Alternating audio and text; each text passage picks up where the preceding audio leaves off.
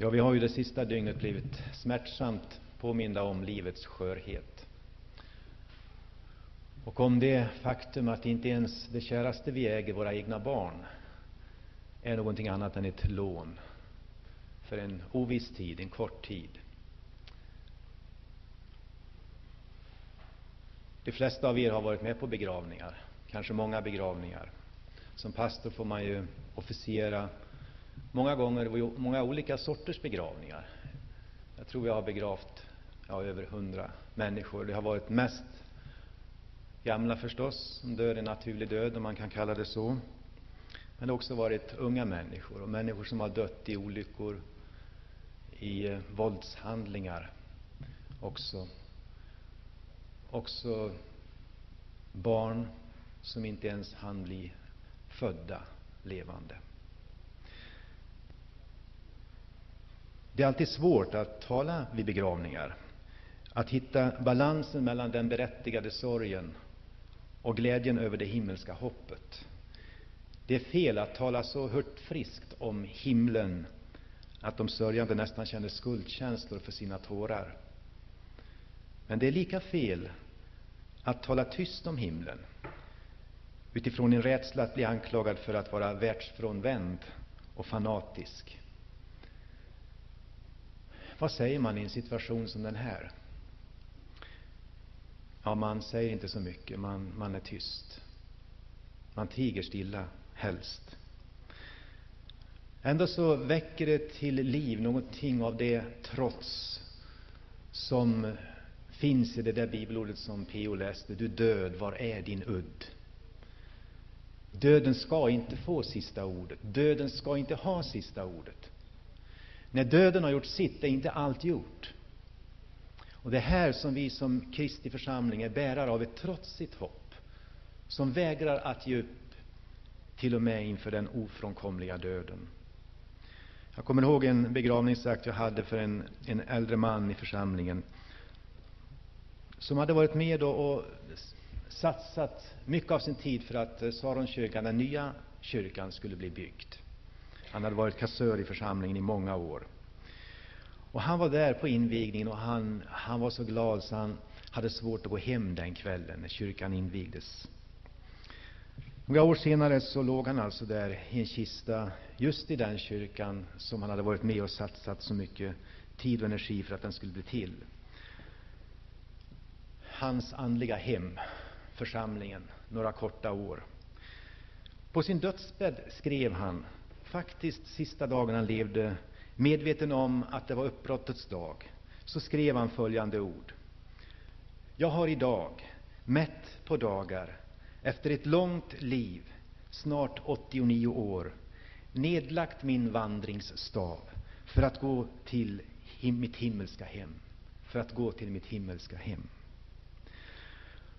Och genom de orden så röjde han sitt släktskap med Gamla testamentets heliga, om vilka det står i Hebreerbrevet 11 att deras håg stod till ett bättre land, nämligen till det himmelska, där inte längre döden ska jäcka våra villkor. Men nu är den stora frågan så här ändå. Var deras hopp bara en önskedröm, en illusion, som många menar? Är talet om himlen bara tom fantasi? En konstruktion för att möta det mänskliga behovet av tröst eller hopp? Finns himlen? Ska vi fortsätta att sjunga de här sångerna? Eller ska vi skrota alla såna här orealistiska, poetiska uttryck om det himmelska landet? Det finns de som menar det, och har menat det genom historien. Karl Marx hävdar utifrån sina utgångspunkter att religionen, och därmed också himlen, var de förtrycktas suckan och ett opium för folket. En illusion som man måste göra sig fri ifrån. Alltså en falsk tröst. Andra hävdar att eftersom vetenskapen inte kunnat påvisa någon himmel, så kan den inte finnas. Ni kommer kanske ihåg den ryske astronauten Gagarin, som i sin farkost, rymdfarkost var den första att ge sig ut i rymden, ett varv runt jorden, kom tillbaka och sa det finns ingen Gud, för jag såg honom inte. Filosofin har aldrig haft någon plats för himlen.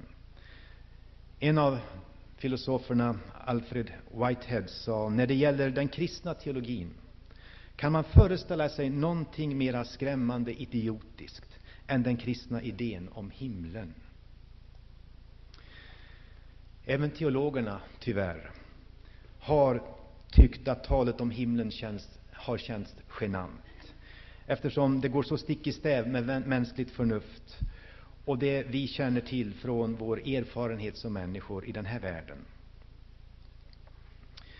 Den tyske teologen Bultmann såg himlen bara som ett mytologiskt uttryck för den nytestamentliga författarnas verklighetsuppfattning eller världsuppfattning, världsbild. Begreppet om himlen, om människans förvandling till, ett, till en himmelsk värld, är för henne inte bara obegripligt utan också totalt meningslöst, menade han.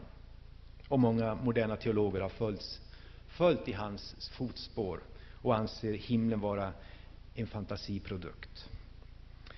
Är det så? Eller förhåller det sig på det sätt som sångerna uttrycker? Har vi ett himmelskt hem eller har vi det inte? Om vi inte har det, så är det en fåfäng tröst vi ger oss hänåt en sån här dag. Vad grundar vi egentligen tron på himlen på för någonting? Ja, det är två förhållanden. Det första är Guds trovärdighet, och det andra är Jesu tomma grav. Hela den nytestamentliga förkunnelsen vilar i de två sanningarna. Paulus säger i Titusbrevets inledning att han är sänd därför att det finns ett hopp om evigt liv. Ty evigt liv har Gud, som inte kan ljuga, för evärdliga tider sedan utlovat. Talet om himlen och det eviga livet är alltså ingen människokonstruktion. Det är ett uråldrigt löfte från en trovärdig Gud. En Gud som är värd att, att tro på, som är värd att lita på. En Gud som inte vet hur man gör när man ljuger, så att säga. En Gud som bara kan tala sanning. Det var syndafallet, berättar Bibeln, som gjorde människan hemlös och döden blev hennes värste fiende. Men Guds löfte som gavs på syndafallets dag stannade inte vid en verbal, ett verbalt löfte, så att säga. Utan Guds kärlek till ett fallet människosläkte drev honom i Jesus Kristus rakt ner i vår förgänglighet, iklädd en kropp sådan den vi har, en kropp som kunde dö. Och ändå sa han, när han trädde in på den mänskliga scenen, jag har kommit för att ge och för att ni ska ha liv och överflödande liv. Jag har kommit för att ge mitt liv till lösen för många. Jag har kommit för att dö, var egentligen vad han sa, och därigenom frälsa och uppsöka det som var förlorat. Men vad är himlen för någonting? Och var är himlen egentligen? Bibeln talar om tre olika himlar åtminstone. Den himmel som vi ser omkring oss, där fåglarna flyger och där molnen svävar.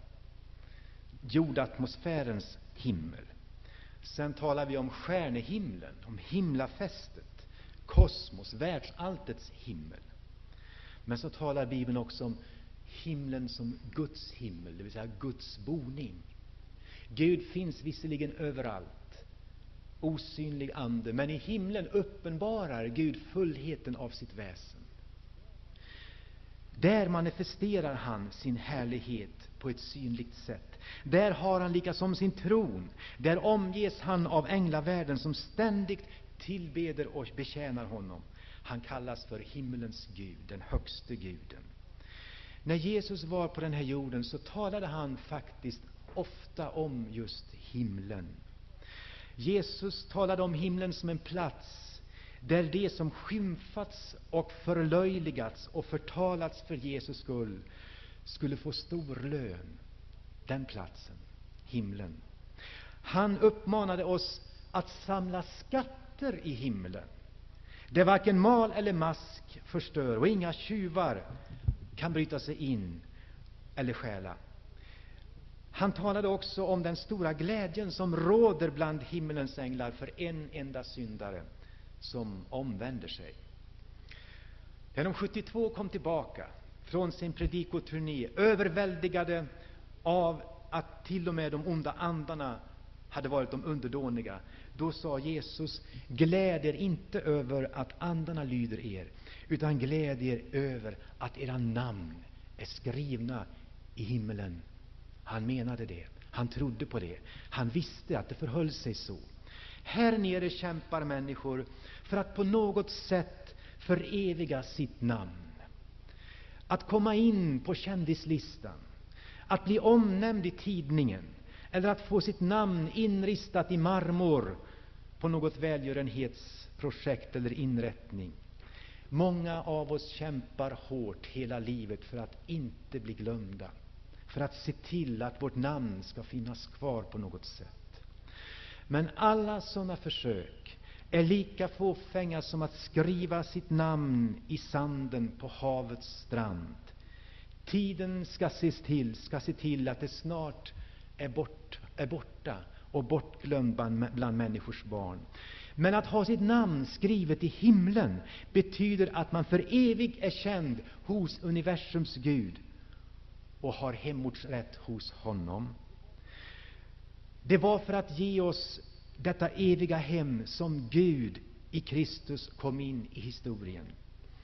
Det var därför vägen måste gå via korset, där synden sonades och förlåten brast, och vägen öppnades för mänskligheten ända fram till en helig Gud. Och när påskmorgonen gryr och graven gapar segrande tom, så är det eviga livets gåva oåterkalleligt garanterad till människosläktet. Himlen är den logiska förlängningen av den tomma graven. Det finns nu ett liv bortom döden. Vi vet det på grund av Kristi tomma grav. Därför säger Paulus att om Kristus inte har uppstått, då är hela evangeliet fåfängt att predika. Det är meningslöst. Då är vi som förkunnar Kristus och evangeliets sanningar, ja, vi är egentligen falska vittnen som är i färd med att bedra människor. Om inte graven är tom och himlen finns, så borde vi omedelbart kalla hem våra missionärer, sälja våra kyrkor och låta den tjäna vettigare ändamål än den förkunnelse som här äger rum också idag. Då borde jag gå ner och syssla med någonting annat. Ja, då är det naturligtvis också så att vår tro är förgäves och våra synder är inte alls förlåtna, för det finns ingen förlåtelse. För det finns ingen seger över synd och död. Den tomma graven är lika som beviset för att Jesu död var gällande inför Gud. Det var en reell seger över synden och därmed också döden, eftersom syndens konsekvens var döden. Men som ett bevis på att synden hade övervunnits, så hade också döden mist sitt välde över honom som besegrade synden. Men om så inte är fallet, då dog alla de som dog i tron på Kristus som bedragna människor. Då finns det ingen anledning att tända ljus och minnas dem och glädjas över det nya hem där de nu finns. Då var min farfar en bedragen man när han på dödsbädden citerade Härligt sången där ska brusa, så som vattnet av stora fall. Då var systern på Salgrenska, som jag besökte för en tid sedan, och som sa, hon var inte medlem i denna församling, men hon sa, hälsa församlingen att vi möts på andra sidan. Men om inte den tomma graven har funnits i historien, då är dessa bedragna. Och då dog, då dog de som bedragna människor. Och så slutar Paulus i Första Korinthierbrevet 15 den här bevisföringen, eller argumentationen, med att säga då är också vi som ännu lever och framhärdar i detta hopp de mest ömkansvärda av alla människor. Stackars er som går upp på söndag morgon när ni egentligen skulle kunna ligga kvar i sängen, för det finns egentligen ingen anledning att gå till en kyrka och lyssna till orden om evangeliets hopp. Då är ni ömkansvärda. Då är ni värda att beklaga, som till och med tar upp pengar ur plånboken och ger till någonting så fåfängt som evangeliets utbredande, eftersom det inte finns något evangelium. Förstår ni Paulus argumentation? Då är vi värda att beklaga. Ja, det är vi. Om inte den tomma graven är sann, då är vi värda att beklaga. Men, säger han i slutet på denna argumentation, nu har Kristus uppstått från de döda såsom förstlingen av de avsomnade. Nu finns det en tom grav i historien. Och argumentationen för den tomma gravens verklighet, den är mycket stark. Den är mycket stark. Alla var överens om att graven var tom. Jesu vänner, liksom Jesu fiender, alla stod där och såg Graven är tom, och ingen kunde så att säga visa fram den döende, den döde Jesuskroppen. Den fanns inte. Och soldaterna som lärde sig att hitta på en lögn om hur det hela hade gått till och säga att vi sov när hans lärjungar kom och välte bort stenen och tog bort hans kropp. Faller på sitt eget grepp, eller hur? För om de sov, hur visste de att det var lärjungarna som kom och stal kroppen? Och lärjungarna var sannerligen inte mäktiga till någonting sådant, som själva hade låst in sig och satt skrämda där över att själva bli ertappade som Jesu efterföljare och möta samma öde. Ingen trodde på att han hade uppstått. Varken före hans död, då han själv hade profeterat om detta, trodde man på vad han sa. Och när väl graven var tom, så vägrade till och med lärjungarna vid kvinnornas rapport att tro att detta var sant. Bevisbördan är, är stor för den tomma gravens verklighet.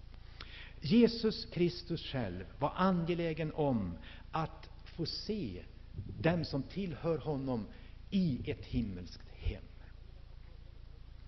Redan på korset vet vi hur han försäkrar rövaren vid hans sida om att redan denna dag få vara med honom i paradiset. Och inför sitt eget uppbrott från den här jorden talar han till sina bekymrade, oroliga och undrande lärjungar och sa bland, bland annat, som vi läser i Johannes 14, era hjärtan, var inte oroliga, var inte försagda. Tro på Gud, tro också på mig. För jag ska säga er att i min faders hus är många boningar.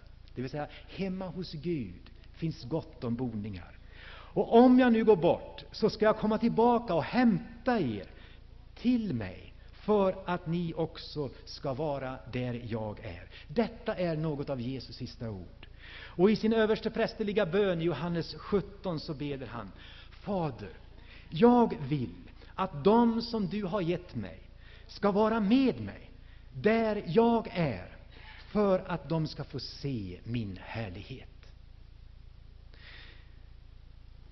Tror du att Jesus kommer att bli bönhörd? Han bad den bönen.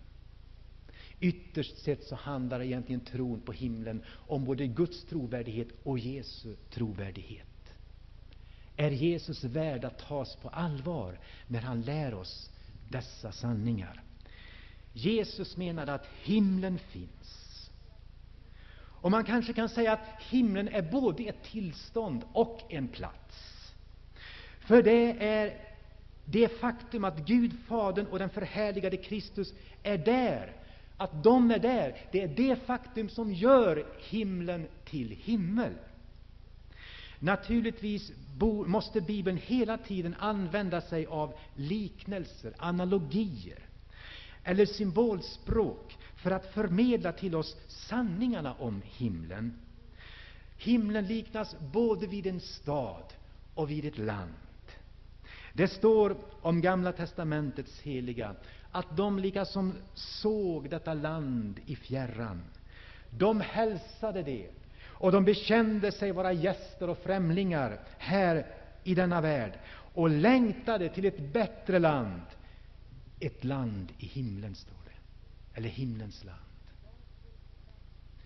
Därför skäms inte Gud för att kallas deras Gud. Ty han har grundat en stad åt dem, en stad som inte kan vackla, även då riken och världar här och troner här ligger i grus. Se på det stolta Babel, under vilkens tid profeterna levde. Se på Nineve, som också höjde sig så stolt i det assyriska världsväldet, eller Kartago, eller Rom, eller många andra av antikens städer. Idag bara ruiner av det som då var. Men att vara kristen, det innebär att tillhöra en stad, ett land som inte kan vackla, som aldrig kan läggas i ruiner.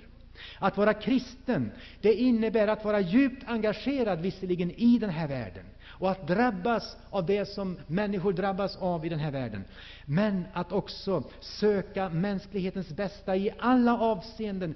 Jag menar inkluderande att lyfta fram det hopp som Gud har grundlagt i vår egen historia. Det innebär också att vi bär på en hemlighetsfull förväntan. En väntan på att en morgon ska gry och som skall förvandla allt. Att vi ska gå in i en stad som inte kan vackla och in i ett rik och en värld som aldrig kan bäva. Där inga bränder kan ödelägga. Det är svårt att tala om himlen utan att bli sentimental.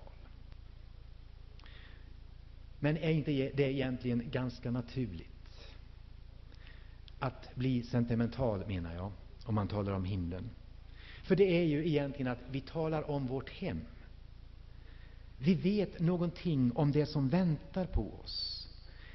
Och när vi talar kanske om vårt barndomshem, så känner vi en viss sentimentalitet. Vi, känner en, vi blir berörda och rörda när vi tänker på vårt barndomshem, hur det var när mor och far levde och vi var kvar där hemma som barn. Är det så konstigt att vi berörs i vår känsla när vi talar om vårt eviga hem, vårt framtida hem, det som är målet för vår vandring? Och att jag har någonting som inte ens döden kan ta ifrån mig, om jag också skulle bli aska. Om jag också skulle ligga på havets botten och multna bort.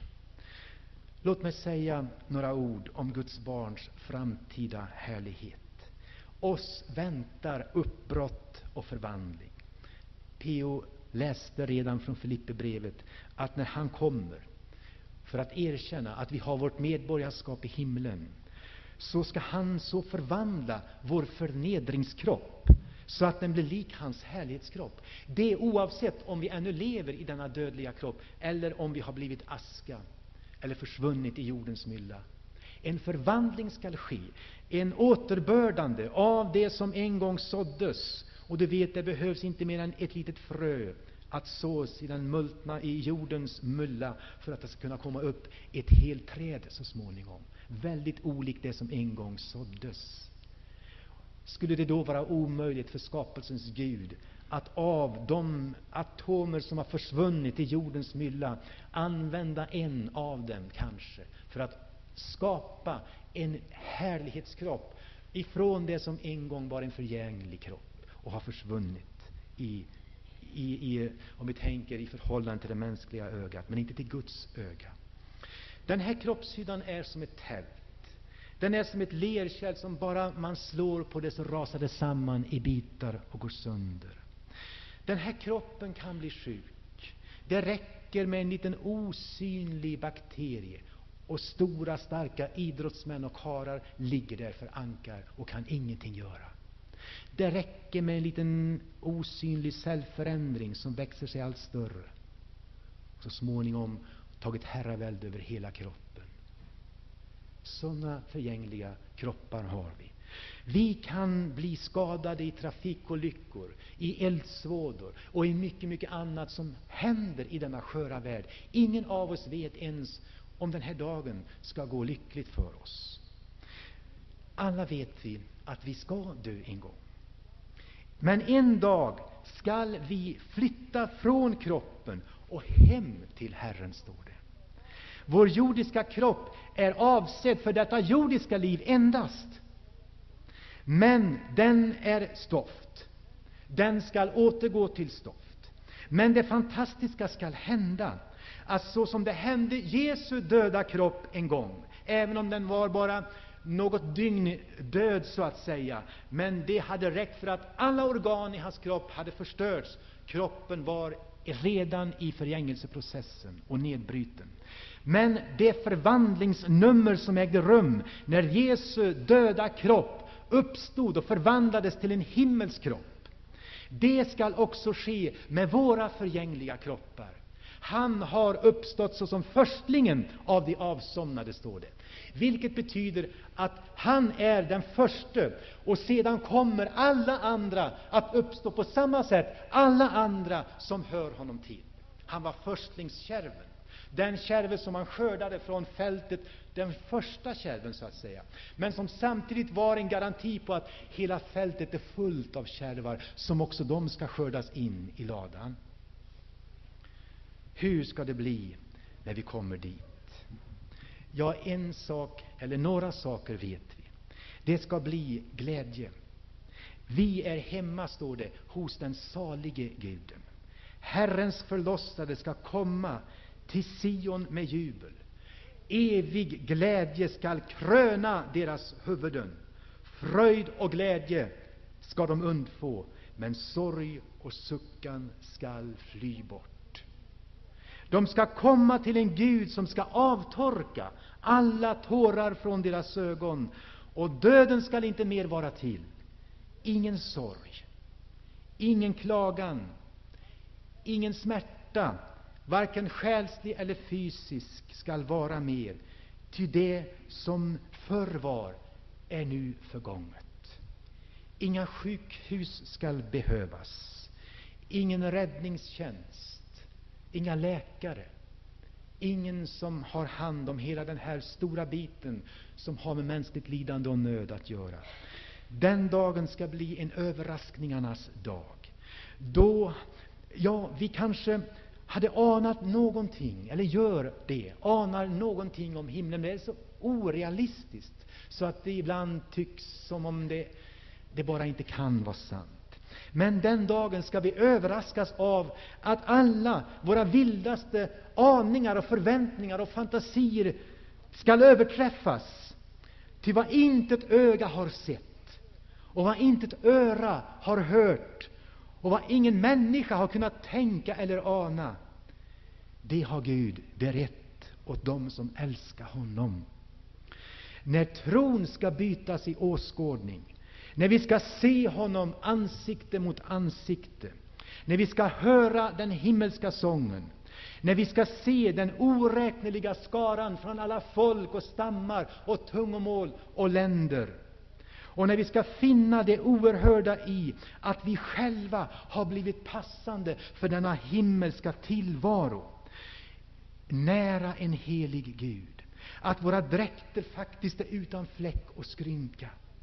Hur ska vi då kunna annat än glädjegråtande kasta oss ned i tillbedjan inför honom som sitter på tronen och inför Lammet, vars härlighet uppfyller hela himlen. I himlen kommer vi att leva i ett ständigt tillstånd av förundran. Tänk att jag får vara här. Tänk att jag får vara här. Och redan här på jorden så fascineras vi över Guds skapelse och förundras.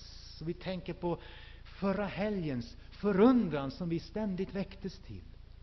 Hur ska det då inte bli i himlen? Vi ska ständigt gå omkring i en sällsam förundran och rikta vår tacksägelse på nytt och på nytt och på nytt igen till Lammet som ser ut som om det hade varit slaktat, men som nu är lejonet av Judas stam, som sitter på tronen, men som bär tydligen märkena av genomgånget försoningslidande. Och mitt i allt detta, i, i allt detta ska uppmärksam riktas, hit, riktas mot oss. Gud har inte glömt något av det som har gjorts för hans namns skull i den här världen. Och nu ska det få hans erkännande. Här är ytterligare en svår sanning att förstå. Men Jesus sa att inte ens en bägare friskt vatten som har getts någon för Jesus skull ska undgå himlens uppmärksamhet. utan få sitt erkännande och sin belöning. Ett enda glas vatten. Då kan du tänka dig allt annat som har gjorts för hans namns skull. Det har registrerats och det ska erkännas den dagen. Och vi ska storligen förvånas, tror jag, över det som Gud kunde åstadkomma genom våra fattiga små ansträngningar. Var i lönen består är svårt att säga. Bibeln talar om rättfärdighetens segerkrans för alla dem som har älskat hans tillkommelse och inrättat sina liv på ett sådant sätt att det uttrycker en kärlek till hans tillkommelse, som uttrycker att vi är pilgrimer och främlingar, som uttrycker att vi inte sitter fast i den här världen. De ska få rättfärdighetens segerkrans. Bibeln talar också om en livets krona som ska ges till alla dem som varit trogna intill döden. De som kämpade, de som höll ut, de som vi har minns här idag. De har krönts med livets krona därför att de var trogna i det lilla ansvar som vi kanske kan tycka i vilket de stod. Men de stod där trogna och livets Herre och himmelens konung har nu krönt dem med livets krona. Ja, här nere får vi inte alltid den uppskattning som skulle vara så välgörande för oss.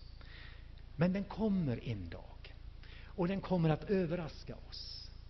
Låt oss inte bekymras över att vi inte är föremål för tidningsrubrikerna och allmänt erkännande, det som församlingen i tiden gör. Jag läste om en, en missionär som hade tjänat hela sitt liv i Afrika och gjort en fantastisk gärning naturligtvis. Och så var han på väg hem till Amerika och han åkte båt och kommer in i hamninloppet till New York. Och när de närmar sig kajen där så, så, så märker han att det är massor av folk. Finklädda människor, det står en orkester och spelar. Och han tänker, det är väl församlingen som har mött upp för att möta mig. Och han blir riktigt smickrad av, av tanken och åsynen. Men så gick det snart upp för honom att på samma båt råkade en före detta president befinna sig, som hade varit i Afrika på något slags eh, jakt, eh, vad kallas det, safari. Just det. Och nu kom han hem och man mötte honom med den här festligheten. Och när han väl steg i land där på kajen så fann han dessutom att inte en enda en från församlingen hade mött upp. Det fanns ingen som var där för att hälsa honom välkommen och för liksom ge ett erkännande till hans livsverk. Och han blev mycket bitter. Han och hans fru tog in på ett hotell på Manhattan. Och han gick där och han utgöt sin bitterhet. Så till den grad att hans fru sa, nej, nu stannar jag inte kvar på rummet längre, för den, ja, jag ger mig iväg ut tills du har, du, har, du har ändrat ditt sinnelag, sa hon. Och han fortsatte att utgjuta sitt hjärta för Gud. Han säger, titta här Gud, här har jag gett hela mitt liv i tjänst för dig, och ingen har kommit, ja, här kommer jag hem, och ingen har erkänt eller kommit ens för att tacka och välkomna mig. Och där bad han till Gud på sitt hotellrum på det här sättet. Och så, så efter en stund så var det precis som han upplevde att Gud sa till honom, han hette Henry. Men Henry, du är inte hemma än. Du är ju inte hemma än. Och då förstod han. Den verkliga, det verkliga erkännandet, det får vi aldrig här i tiden. Och det kan göra att vi kanske ibland tappar sugen också. Vad tjänar det till? Ingen tackar mig ju för det jag gör. Tänk inte så. Din lön är stor i himlen. När du kommer hem ska du få se vad Gud kunde göra med dina små ansträngningar och med det du gav. Vad ska vi göra i himlen? Ja, framför allt ska vi ha gemenskap med varandra, med Kristus. Det jag är vill jag att ni ska vara, säger han. Vi ska vara hos Herren. Och Paulus sa, det vore bättre för mig att få flytta bort ifrån kroppen och komma hem till Herren. Och det ska komma en sån dag. Men just nu, sa han, så dras jag. Jag dras åt två håll. Och jag tror det är en sann kristen hållning i den här situationen. I första hand ska himlen innebära gemenskap. Men den ska också innebära vila från dessa ansträngningar och gärningar som vi gör här i tiden för Guds skull. Vi ska få vila från den sorts gärningar. Det är en del av lönen, den vilan vi ska få. Saliga är de som dö i Herren.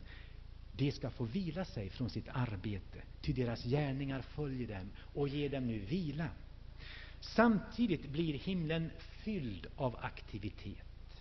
Inte sådan aktivitet som man blir trött av, som anstränger oss och uttröttar oss. Men det står att vi ska tjäna honom dag och natt, det vill säga ständigt tjäna Gud. Och genom detta tillägna honom vår tacksamhet och glädje. Jag tror det kommer att ta sig uttryck i alla sorters konstarter, inte bara sång och musik, utan lite grann förlängningen av det som fanns i vår församlingsvåning förra helgen och under veckan. Vi ska tjäna honom på många kreativa sätt och utvecklas i våra olika uttrycksformer. Lära känna Gud ännu bättre, växa i kunskap och kärlek till honom. Det stora är, till sist, att vi kan börja leva ett himmelskt liv redan här. Först födas på nytt förstås. Den som har Sonen, han har livet. Det himmelska livet, det eviga livet, är ingenting som börjar då, det börjar nu. Vad kan då döden göra åt den som är bärare av evigt liv? Vad är döden för den som har Gud till sin vän? Om själva döden är övervunnen, vad finns då som skulle kunna vara värre? Vad finns då kvar som skulle kunna skilja oss från Gud, om inte ens döden kan göra det? Detta är någonting av den triumf som vi har rätt att bära i våra hjärtan. Och det förändrar våra liv här och nu. Att längta till himlen är inte osunt. Den längtan leder till helgelse. Ty, säger Johannes, vi är nu Guds barn. Men vad vi en gång ska bli, ja, det är ännu inte uppenbart. Men en sak vet vi, att när han kommer och när vi ser honom, då skall vi bli honom lika, ty vi ska få se honom sådan han är. Och den åsynen av den förhärligade Kristus en dag skall inte ha en förtärande inverkan på oss då tydligen, utan ska ha en förvandlande inverkan. Ty fröet finns redan sått hos oss. Det eviga livet ska blomma ut, och det dödliga skall för evigt lämna oss, och det skall uppslukas av livet. Och förvandling skall äga rum. Och eftersom vi har detta hopp, säger Johannes där, den som har detta hopp, han renar sig. Han renar sig. Att längta till himlen, det innebär att man vill vara ren här och nu. Det innebär också en viss tolerans till livet som det är. Därför att vi vet att ingenting, varken tingen eller människorna i den här världen, blir fullkomligt. Inga förhållanden, inga relationer, inte ens församlingens relationer blir fullkomliga trots att vi strävar efter detta. Men vi får i väntan på himlen vara överseende med varandra och i tålamod vänta på förvandlingens dag. Det står att han inte är färdig med någon av oss, eller hur? Men han har tålamod med oss och han arbetar med oss. Det innebär också att vårt liv, när vi har detta hopp, inte bara att vi helgar oss, utan också att vi har tolerans med tingens ordning sådan de är, därför att vi vet att detta inte är det slutliga skedet.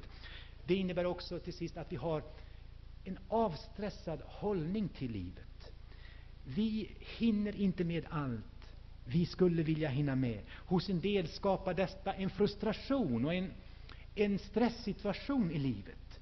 Därför att man tycker man skulle hinna med så mycket, men man gör det inte. Och så lever man i den här jakten.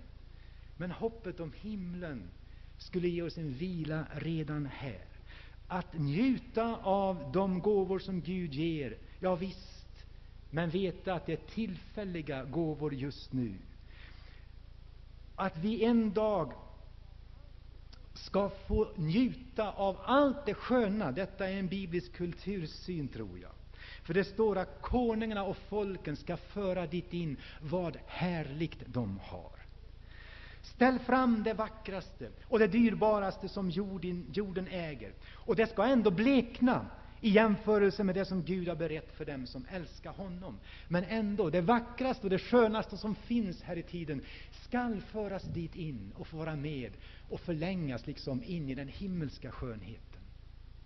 Men vi kommer att ha tid att njuta. Vi kommer att ha tid att ha tid med varandra.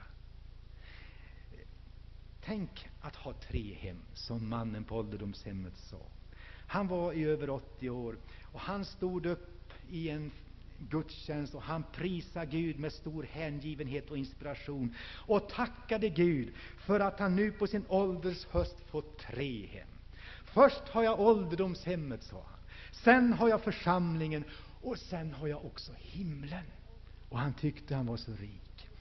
Den åldrige aposteln Johannes hade skuffats ut av den världs, världsliga makten Rom till fångarnas ö i det Egeiska havet. Och där trodde man att man var av med denne apostel. Icke så. Där ute i ödsligheten på ön Patmos i det Egeiska havet drar Gud undan den ridå, eller den slöja som skymmer den himmelska världen för det jordiska ögat i normala fall. Och hela himlens härlighet uppenbaras för aposteln, och han skänker åt oss den skatt som Uppenbarelseboken innebär och som finns i vår bibel. Och där vi återigen kommer tillbaka till det sist, näst sista kapitlet om en ny himmel och en ny jord, om församlingen som är som en brud, om himlen som är som en stad som är som en brud och som är vacker och skön, och om en brudgum som är skön. En helt ny världsordning. En kröningsdag, en bröllopsdag kallas den. Främlingstiden är över. Vi ska en gång nå vårt hemland. Vi ska inte längre vara gäster och främlingar eller pilgrimer. Vi ska ha hunnit fram. Men idag kallar vi det för äretitlar. Att få vara en gäst, mina vänner, det innebär att vi faktiskt bara är här för en kort tid, en kort stund på jorden. Vi gästar bara jorden.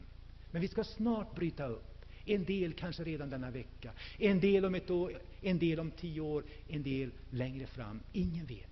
Men uppbrott ska det bli, för vi är bara gäster. Vi är bara pilgrimer. Vi är bara på väg genom den här världen mot ett mål. Vi ska inte stanna här, vi är på väg. Och till sist, vi är främlingar. Vi hör inte till den här världsordningen. Vi hör till en helt annan världsordning. Vi hör till ett helt annat hemland. Vad ska vi säga? Jo, vi dras åt båda hållen. Visst vore det gott att få bryta upp och vara hos Herren, men vi vill ju så gärna också vara kvar. Också det är en sund hållning, kristen hållning. Vi vill vara kvar för att om möjligt, dels för alla de relationer som vi berikas av i den här tiden. Ingen vill ju dö, naturligtvis inte. Men också vill vi vara kvar, hoppas jag, för att vi ska tjäna Gud en tid till.